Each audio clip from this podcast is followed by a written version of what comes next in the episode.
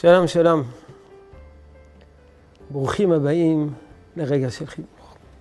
הזכרנו בימים האחרונים דברי שולחן ערוך, שיש שלושה סוגי ספרים לשלילה.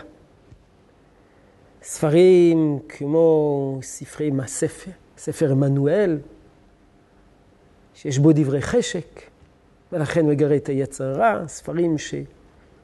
מפנים אל מדעתנו, מרחיקים אותנו מהקדוש ברוך הוא, מרחיקים אותנו מן האמונה. והספרות של מושב לצים, ספרות של מושב לצים זו ספרות, כבר הזכרנו, שאין בה שום תוכן, והיא מרתקת. אבל נתייחס לשני הסוגים הראשונים של הספרות. מה, אדם קורא ספר, זה ירחיק אותו מן האמונה? נו באמת. אדם קורא ספר, מגרה יצר הרע, נו באמת. אז כנראה שחז"ל סברו אחרת. סברו שיש כוח גדול מאוד לספרות.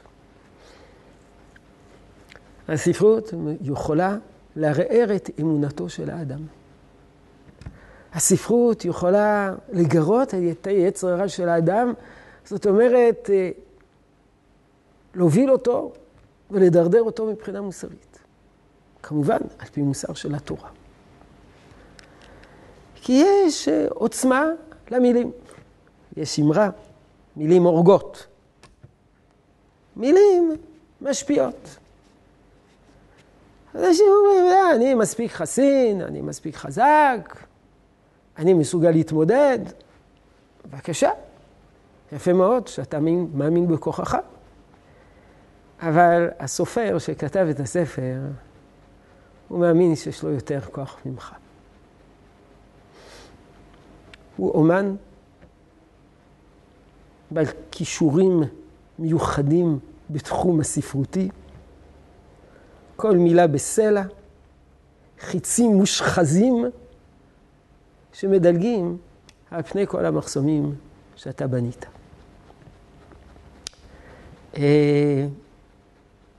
אה, יש כוח גדול לספרות, בעיקר כאשר הספרים נכתבים על ידי סופרים גדולים, גדולים במובן של הכישרון הספרותי שלהם, שמסוגלים אה, למוטט את כל החומות הפשוטות והסטנדרטיות שאדם בונה. בתקופת הרב קוק, הרב קוק אה, האשים את הספרות כאחד הגורמים המרכזיים של החילון. כי הספרות היה הסוכן שהעביר את הדעות הכפרניות ממקום למקום. אנשים נהיו אפיקורסים כתוצאה מספרים? כן, נהיו אפיקורסים כתוצאה מספרים.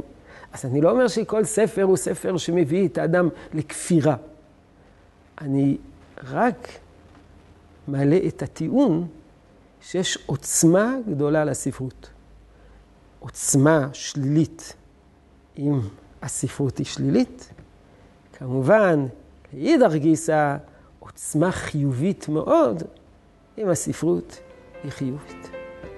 יהי רצון שתשרה ברכה בעבודתנו החינוכית. שלום שלום.